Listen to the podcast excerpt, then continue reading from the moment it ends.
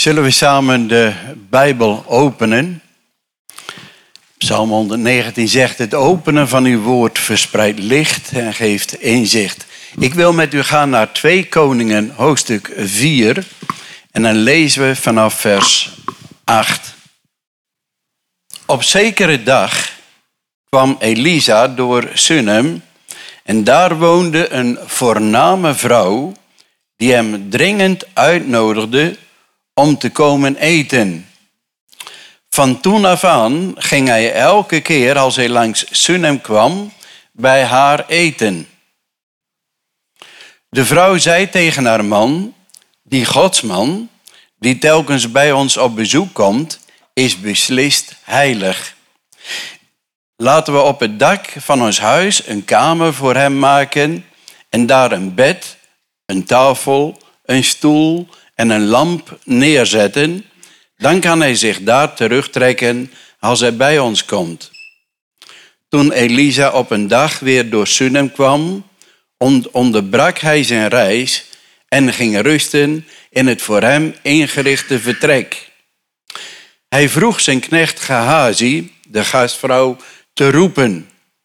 En toen de vrouw op Gehazi's verzoek naar boven was gekomen, zei Elisa tegen Gehazi, vraag haar wat we voor haar kunnen doen en ruil voor alle moeite die zij zich voor ons getroost heeft. Kunnen we voor haar bij de koning pleiten of bij de bevelhebber van het leger? Maar de vrouw antwoordde, ik leef te midden van mijn eigen volk. Weer vroeg Elisa, kan ik echt niets voor haar doen? En Gehazi antwoordde, jawel, zij heeft geen zoon en haar man is al oud. En toen zei Elisa, roep haar binnen. Gehazi riep haar. De vrouw kwam in de deuropening staan en Elisa zeide tegen haar, vandaag, over een jaar, zult u een zoon in uw armen houden. Nee, waarde godsman, antwoordde ze, spiegel uw dienares toch niets voor. Maar de vrouw werd zwanger en precies een jaar later baarde ze een zoon, zoals Elisa had voorzegd. Tot zover de schriftlezing. Zullen we de Heer danken voor zijn woord, bidden voor de Heilige Geest. Hemelse Vader, we willen u danken voor uw woord. Wij willen u danken, Heer, voor de Heilige Geest. En wij bidden, Heer, verlicht ook vandaag ons hart, dat wij uw woord mogen ontvangen, uw woord mogen vatten en mogen bergen in ons hart.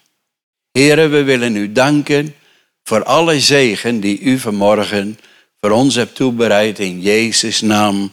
Amen. Amen.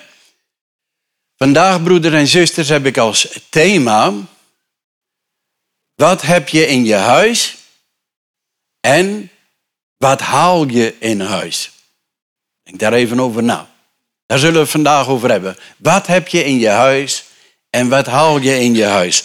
We zongen zojuist een lied en dat zei, we geven u al onze dromen, hebben we toch gezongen. En toen moest ik denken, van de week had ik een droom.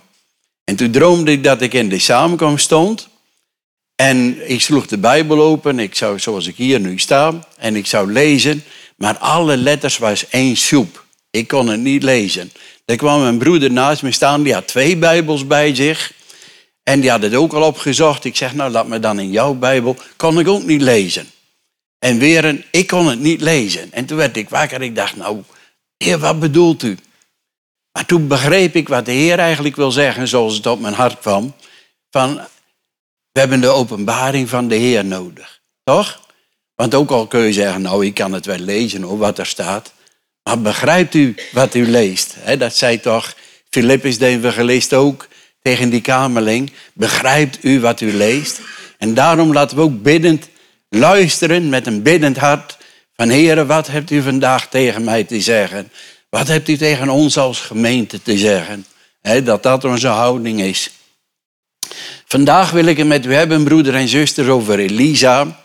En vanwege de tijd hebben we alleen maar gelezen over deze Sunamitische vrouw. Maar als je dit hoofdstuk leest, en dat zou ik u aanraden, doe dat thuis, 2 Koningen 4, dan lezen we daar over twee vrouwen. En twee vrouwen die eigenlijk uh, contra van elkaar zijn. De ene vrouw is een arme weduwe met schulden. En die heeft niets, zullen we straks horen. En dan deze vrouw, waar we van vandaag gelezen hebben, een, wel, een voorname vrouw. Andere vertalingen zeggen daar een welgestelde vrouw. Hier staat een voorname vrouw. Nou, ik denk dat voornaam hier wel iets meer op zijn plek is dan welgesteld. Want ze was inderdaad een rijke vrouw. Maar in de grondtekst staat ze was een groots. Ze was een grote vrouw. En dan niet groot qua postuur, maar het was een, een, een welgestelde, invloedrijke dame was dit. En deze vrouw, dus aan de ene kant heb je die weduwe, die niets heeft, alleen maar schuld en een groot probleem. En we lezen hier over een welgestelde vrouw. Nou, ik weet niet bij wie u zich thuis zou voelen, maar misschien dat u zegt, nou op dit gebied voel ik me net als die weduwe. Maar op dat gebied, nou, de Heer heeft me ook wel gezegend. er kunnen ook vandaag in de prediking raakvlakken zijn dat je zegt, nou, hier voel ik me de weduwe en daar voel ik me toch wel gezegend. Hoe het ook zij, hier kom je dus twee vrouwen tegen. En dan wil ik eigenlijk beginnen bij die weduwe. Maar allereerst eigenlijk de tijd waarin zich dit afspeelde. Ik heb wel eens gedacht, ik heb uh, al een tijd doe ik dat, dat ik deze tijd een beetje bestudeer. En dat wil niet zeggen dat ik iedere dag een blokken ben hierover. Maar toch, ik geef er veel aandacht aan. En er was een keer een moment, ik geloof dat ik dat hier vroeger ook wel eens gezegd heb, dat als er mogelijkheid er was van een tijdcapsule, en dat is zeggen, stap maar in en naar welke tijd wil je toegaan? Nou, allereerst de tijd van de Heer Jezus natuurlijk, dat was een mooie tijd, de tijd van handelingen, toch? Maar als tweede optie, stel dat ze zeggen, ja sorry, dat is volgeboekt. Hè, dan zou ik zeggen, dan zou ik deze tijd willen meemaken. Van Elisa. Want er gebeurden geweldige wonderen in die tijd. Maar daar heb ik toch eens goed over nagedacht. En weet je, broeder en zusters, dit was een hele zondige tijd. Dit was het dieptepunt van Israël. Dit was de tijd van koning Agab.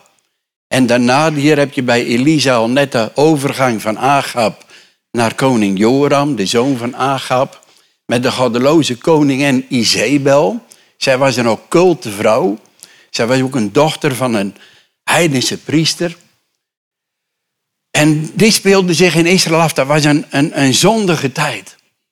Maar wat is het dan geweldig dat juist in die tijd dat God aan Israël een profeet als Elia en Elisa geeft.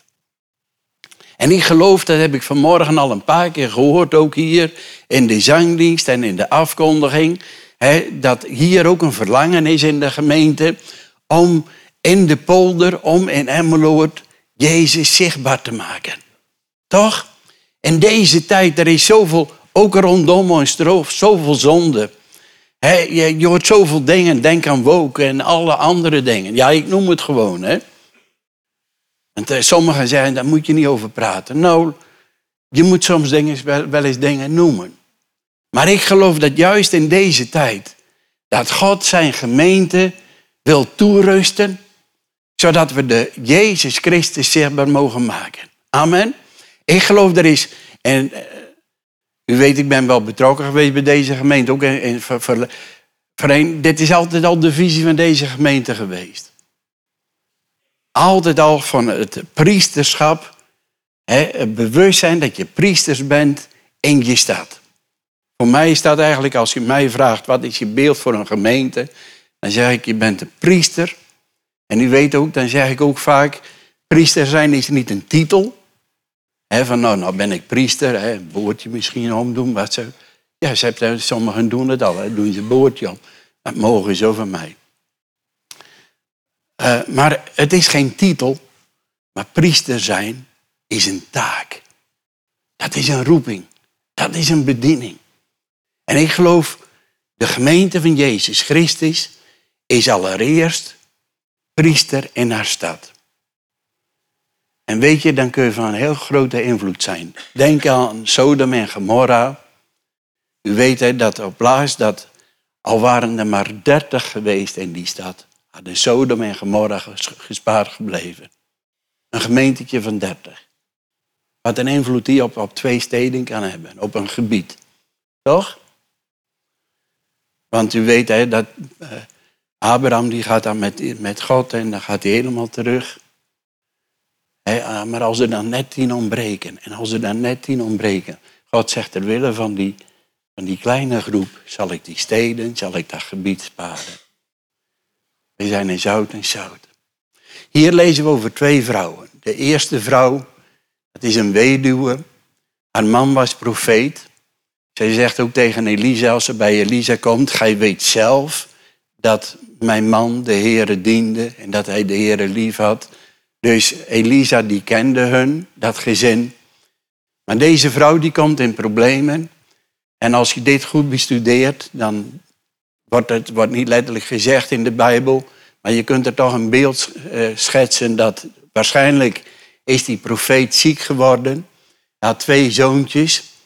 En als je daar ook een beetje, dat staat ook niet letterlijk in de Bijbel, maar als je dat toch gaat analyseren, moeten die twee zoontjes zo rond de tien jaar geweest zijn. Maar ze waren groot genoeg om moeder te helpen, maar ze waren te klein om te werken. Nou, meestal als je rond de twaalf was in die tijd, dan ging je meehelpen met werken. Dus je kunt dan oh, dat, dat die kinderen tussen de acht en de tien jaar was. Die profeet was waarschijnlijk ziek geworden, had schuld opgebouwd en is uiteindelijk overleden. En laat er dus die vrouw achter. Er was in die tijd nog geen weduwefonds of noem maar op. Met twee kinderen. En dan komt daar de schuldeiser. Ik heb er vroeger hier wel eens over gesproken. En dan kun je een hele... Het is eigenlijk bijbelstudieniveau. Van een bijbelschool kun je er al induiken. Gaan we vandaag niet doen. Maar in ieder geval, dan komt daar die schuldeiser, die is heel wetteloos. Het was ook een zondige tijd, heb ik net al gezegd. En die komt en die zet die vrouw onder druk. En hij zegt, ik kom later terug.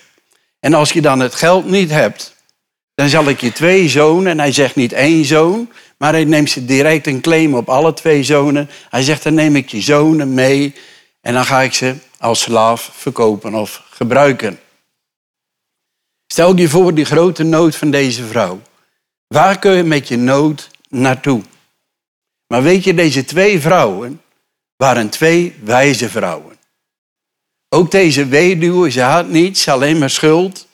En nu was daar het, eh, eh, ze was gedreigd dat er zoontjes bij haar weggenomen zouden worden. De rijken zetten vaak de armen onder druk. En ehm, ja, wat dat betreft, ik ben een rechtse socialist. Hè? ja. Um, en dan gaat ze naar de profeet toe. En ze legt het de profeet voor. En hij vraagt de profeet, die zegt hij allereerst, nou wat kan ik voor je doen? En dan direct stelt hij daar een andere vraag. En dan zegt hij, en dat is de eerste wat we in ons thema vandaag hebben. Dan vraagt hij haar, wat heb je in je huis? En het eerste wat deze vrouw zegt, als je dit in de grondtekst neemt, dan zegt ze het Hebreeuwse woord en, als ik het goed uitspreek. Ik zeg altijd en met twee n's. Maar het, het is een beetje, en je legt hoe de nadruk. Maar dat woord dat betekent niets. Het eerste wat ze zegt op de vraag van de profeet, die vraagt, wat heb je thuis? Haar eerste reactie is niets. Ik heb niks in huis. Stel voor dat vandaag iemand naar u toe komt en die zou u zeggen, wat is uw talent? Wat kun jij doen in de gemeente? Wat kun jij doen voor Emmeloord? Misschien dan de eerste reactie die bij u opkomt, dat u zegt, nou, wat kan ik eigenlijk? Toch? Ik weet nog toen mijn vrouw en ik, we waren toen nog een jong stel. En toen hadden wij verlangen om naar een bijbelschool te gaan. En we hoorden van een bijbelschool in, in, in Engeland. Nou, daar had je toen nog geen internet, dus we moesten een brief schrijven. En toen kregen we aanvraagformulieren. Die moesten we invullen. We zijn er toen niet geweest, daar gaat het niet om. Maar in ieder geval, we waren wel met dat proces bezig. En ik was bezig dat invullen. Mijn vrouw moest het ook voor haarzelf invullen. En de moeilijkste vraag die daar gesteld was, dat ik moest invullen de vijf dingen waar ik slecht in was en de vijf dingen waar ik juist heel goed in was. Dat was de moeilijkste vraag van een formulier. Ga maar eens voor de aardigheid vandaag, vanavond zitten met pen en papier en probeer dat er voor jezelf. Als je het nog nooit gedaan hebt. Vijf dingen, waar, Roos, waar ben je goed in? Roos zegt al mij buiten. Toch? Als je zo voorgezet wordt. Dat is verdraaid moeilijk. Als ze nog gevraagd hebben, vul het even voor je vrouw in. Nou had ik wel een lijstje kunnen maken. Toch? Dan ben je objectief. Maar voor jezelf, ook al weet je misschien wel, maar omdat nou te, ja broeder, we moeten wel nederig blijven. Hè? Toch, je zit met zoveel dingen waar je dan uh, mee bezig bent. En deze vrouw, wat heb je in huis? Ze had niets in huis, zei ze. Ze zei, ja, het enige wat ik heb, dat is een beetje olie. En dan zegt de profeet tegen haar, nou weet je wat je nou doen moet? Ga naar huis en vraag aan je buren vaten. En hij zegt hier ook nog bij wat voor vaten. Hij zegt lege vaten. Lege vaten. En laat het er niet weinig zijn. Laat het veel vaten zijn. Even kijken, want we hebben nu de MBV, hè, hoe het daar staat. Daar staat dus, um, ga bij uw buren kruiken en kannen te leen vragen, lege, zoveel als u krijgen kunt. Toch? Dat was haar advies. De, de, de profeet zegt, ga naar je buren. En ik vind het zo mooi dat hier staat kruiken en kannen. Zoveel als je maar bij elkaar kunt halen. En ze moeten wel leeg zijn. dat wil zeggen, hoeveel kun je ontvangen? Hij zegt er wel bij, veel. Zoveel mogelijk. En weet je, als eh, ze doet dat, en dan als tweede geeft hij een opdracht en ga dan in huis, sluit de deur achter u en uw zonen. Dus ze moest van haar huis een binnenkamer maken. Toch? Ze moest die deur afsluiten. Even nu geen volk, geen bezoek, alleen met haar zonen. En begint te gieten. Dat was de opdracht. Nou, stel je voor, die twee jongetjes die zien de moeder, die komt thuis en die zegt tegen die kinderen, ga even bij buurvrouw Miep, al even uh, potten en pannen en alles op. Uh, hoeveel? Zoveel mogelijk. Ga ook even naar de buurman. Ga naar, en alles bij elkaar. En dan pakt ze dat kruidje en die kinderen die zitten erbij. En die kijken toe hoe moeder denkt, nou, toch dat kleine kruidje met olie en ze begint te gieten. Hm? Kinderen, hoe kan dat nou? En het bleef maar doorstromen, dat bleef maar doorstromen. Er kwam geen eind aan. En, en de moeder zegt, al op die, die, die, die, dat vat, ja, rol die maar weg. En ze ging maar door. Toch? En de Bijbel zegt, op laatst zegt ze tegen haar zoontje, nog even een vat al. Zegt hij, alles is vol. Was geen lege vaten, alles was vol. En weet je wat de Bijbel dan zegt? En het kruikje stopte met stromen. Bij God is overvloed, maar geen verspilling. God wil ons veel geven, broeders en zusters. God wil ons veel geven. Maar geven, gaan wij het uitstromen. Want God gaat het niet verspillen. Wat een, wat een les zit er toch in, hè? En weet je wat ook zo mooi is? Als zij geloof had voor tien vaten, had ze tien vaten neergezet. Als ze twintig vaten, had ze twintig vaten. Naar mate van haar geloof. Hoeveel geloof heb je? Heb je geloof voor tien vaten? Of voor misschien maar één vat? Of heb je geloof voor honderd vaten? Amen. En toen ze allemaal vol waren, toen begon het. Toen, eind, toen stopte dat. God geeft naar mate van je geloof. En ik geloof, broeder en zusters. Misschien zeggen wij ook wel, ja, wat hebben wij? Alleen een beetje olie. Weet je, in de Bijbel is olie een beeld van de Heilige Geest. Hè? Amen. En het enige wat wij nodig hebben in de geest, dat is een beetje olie van de Heilige Geest. Amen. En met dat beetje olie van de Heilige Geest zullen we, net als de discipelen in Jeruzalem, ze zetten de hele stad op zijn kop. Toch? Ze hebben heel Jeruzalem, en niet alleen heel Jeruzalem, maar hele, hele, want de hele wereldgeschiedenis is veranderd vanaf handelingen 1. Toch? Wat was het, die, die, eenvoudige visserlui? Die discipelen.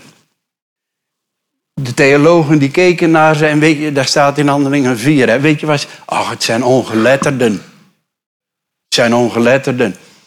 Tegenwoordig hoor je dat ook hè, via op televisie. Je hebt, je hebt in Nederland, je mag niet meer over discriminatie praten, maar ze praten wel over hoogopgeleiden en laagopgeleiden. Dat is ook een vorm van discriminatie. Toch? Wat ben ik politiek vandaag? Oh, we moeten van de week stemmen, hè? ja, ja, oké. Goed. Deze vrouw dacht dat ze niks had, maar ze had wel olie. Misschien denken wij ook wel dat we niet veel hebben. Maar weet je wat Paulus zegt, wat u heeft?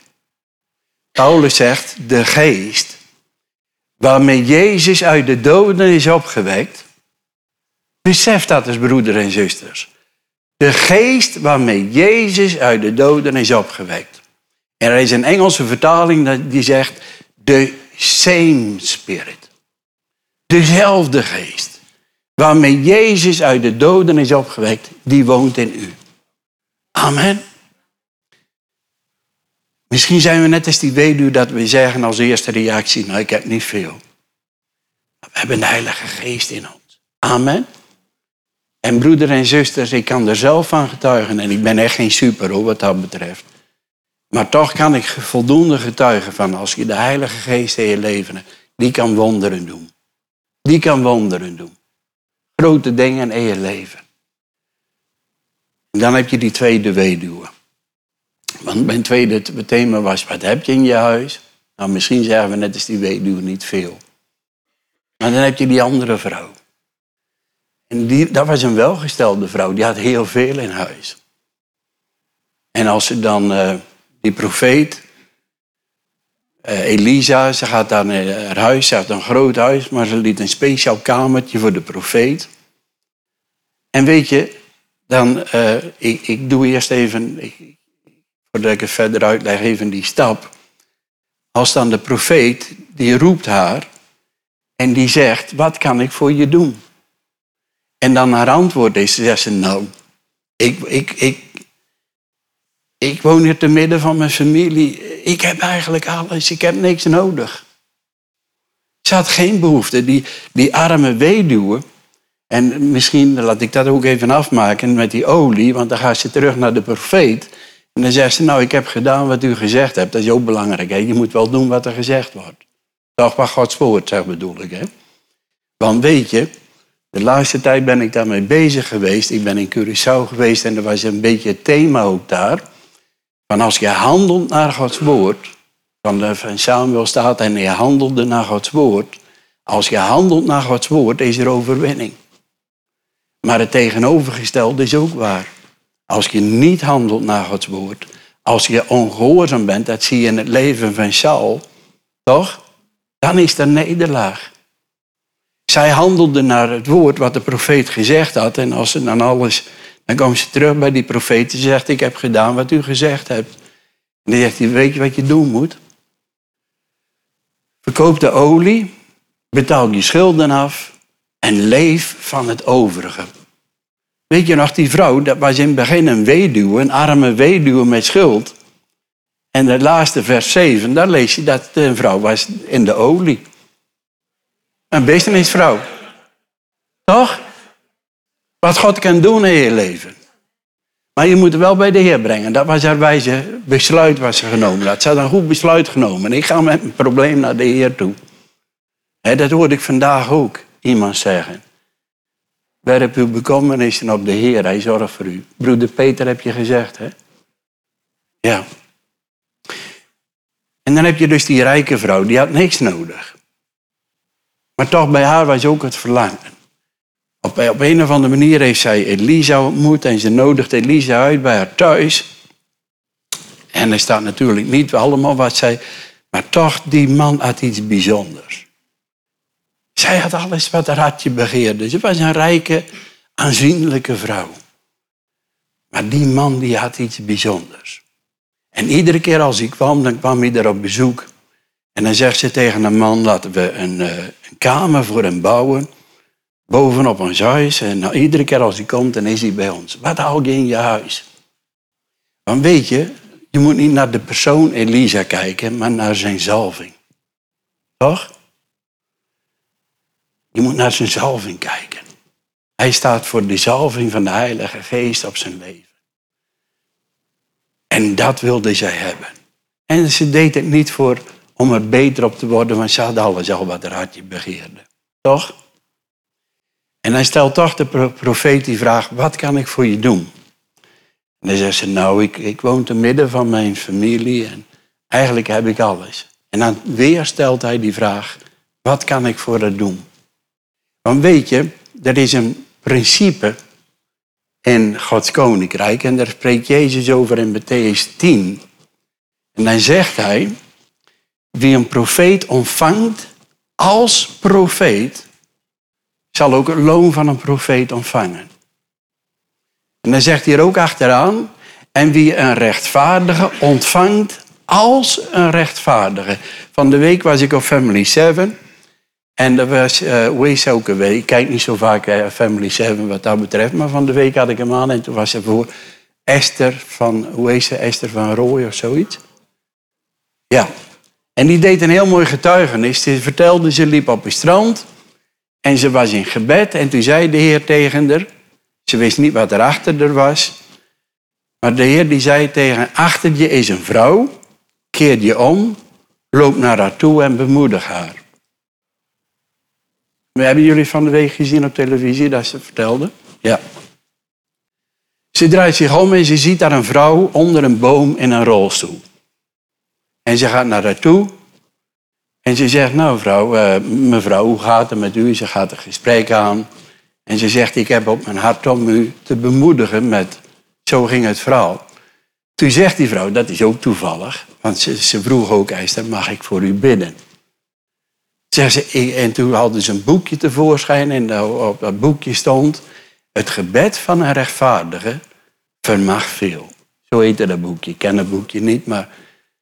Maar zij ontving, zuster Esther, als een rechtvaardige.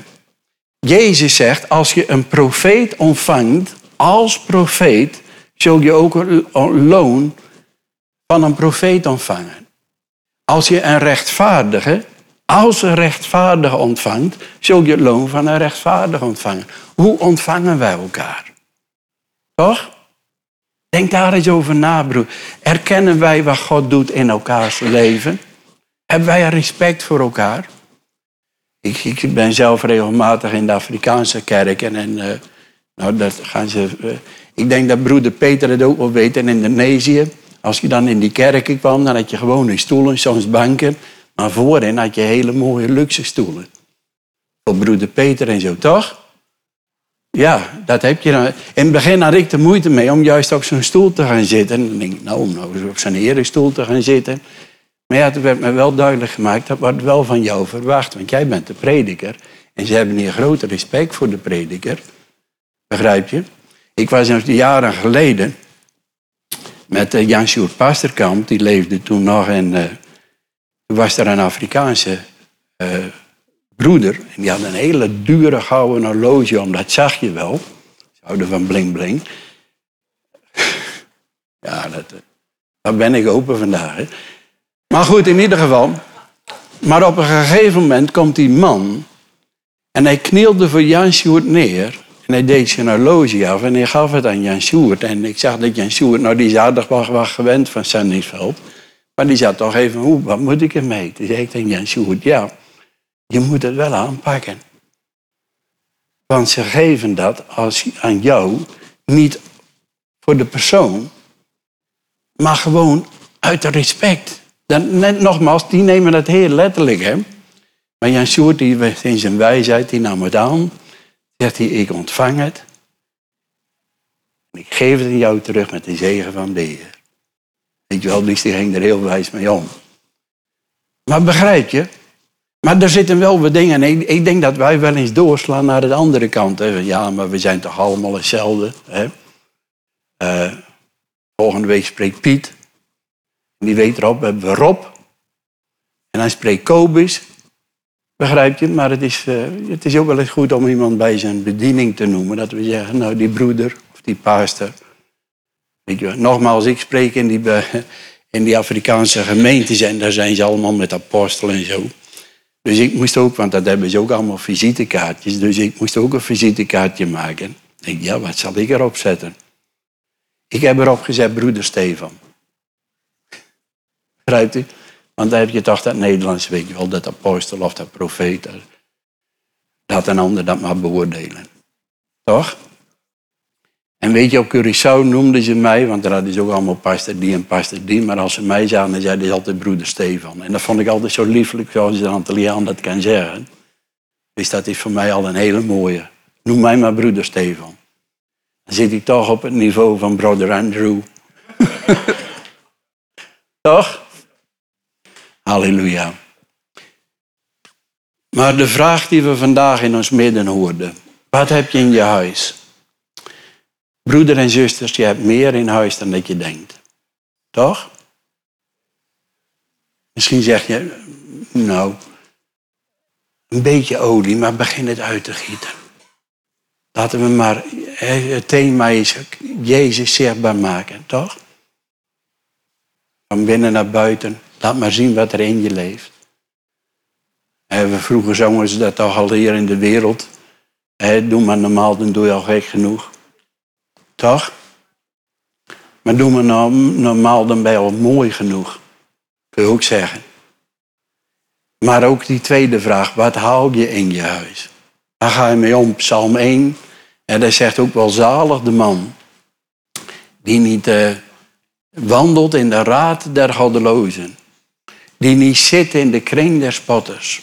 Of die nog staat, hè op de pad der zondaars en nog zitten. In de, want ze zeggen wel, je begint te wandelen en dan ga je staan en dan ga je zitten. Maar dan is Heer een wet, zijn welgevallen heeft. En dan staat er van die persoon, al wat hij onderneemt, zou gelukken. Waarom? Omdat de zegen van God erop is. En broeder en zuster, die zegen hebben we nodig. Weet je nog dat ik begon met die droom? Als wij de Bijbel openen in eigen kracht, oh, dan kun je wel zeggen ik lees het, maar begrijpen we dan wat we lezen, toch? Maar we hebben de Heilige Geest, we hebben de olie nodig van de Heilige Geest in ons leven.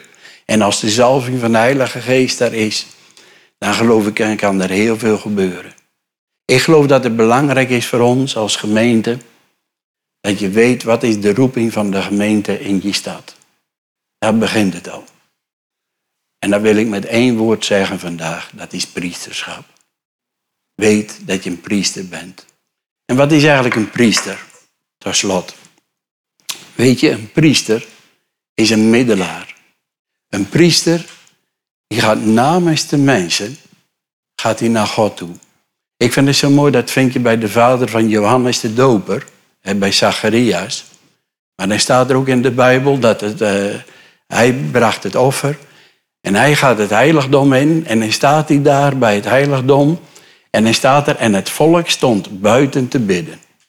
Ze staan niet af te wachten van, nou uh, komt hij weer naar buiten. Nee, er staat het volk, lees het maar, hij staat in de Bijbel, in Lucas. Het volk stond buiten te bidden. Maar hij ging het heiligdom in. En als hij dan normaal, hij krijgt dan een visioen, die engel staat er bij het altaar. Maar normaal was het dan zo, als je dan het offer gebracht had als priester zijnde, dan kom je het heiligdom weer uit. En dan ga je het volk zegenen. En ik geloof dat is de taak ook voor ons hier in Emmeloord. Wij gaan namens het volk, wij gaan namens onze stad en doen we voorbeden. We doen voorbeden voor onze stad. We doen voorbeden voor ons land. En als we in het heiligdom geweest zijn, dan gaan we naar buiten en dan gaan we zegenen. Toch? En zegenen wil zeggen, niet alleen zeggen de Heer zegen u, maar ook om een zegen te zijn. Dat vind ik zo mooi als Abraham. God zegt, ik zou je zegenen Maar hij zegt ook, ik zal je tot een zegen maken. Dat is toch heerlijk om een zegen te zijn voor anderen. Dat mensen zeggen, broeder, als we jou zien, dan worden we altijd blij. Toch? Om een zegen te zijn. Halleluja. Zullen we samen zo de buigen? Hemelse Vader, we willen u danken. We willen u danken, heren, dat u een roepende God bent. Maar u bent ook een zendende God. U hebt ons geroepen vanuit de duisternis. In uw wonderbaar licht. En Peter is gezegd ook daarbij.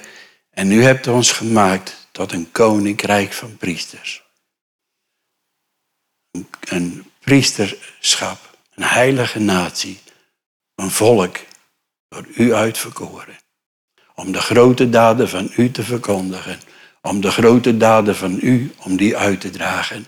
Want heren, u bent dezelfde God. Wat u deed in de dagen van Elisa, dat doet u ook vandaag. Want u bent nog steeds dezelfde God. Halleluja. Halleluja. Amen.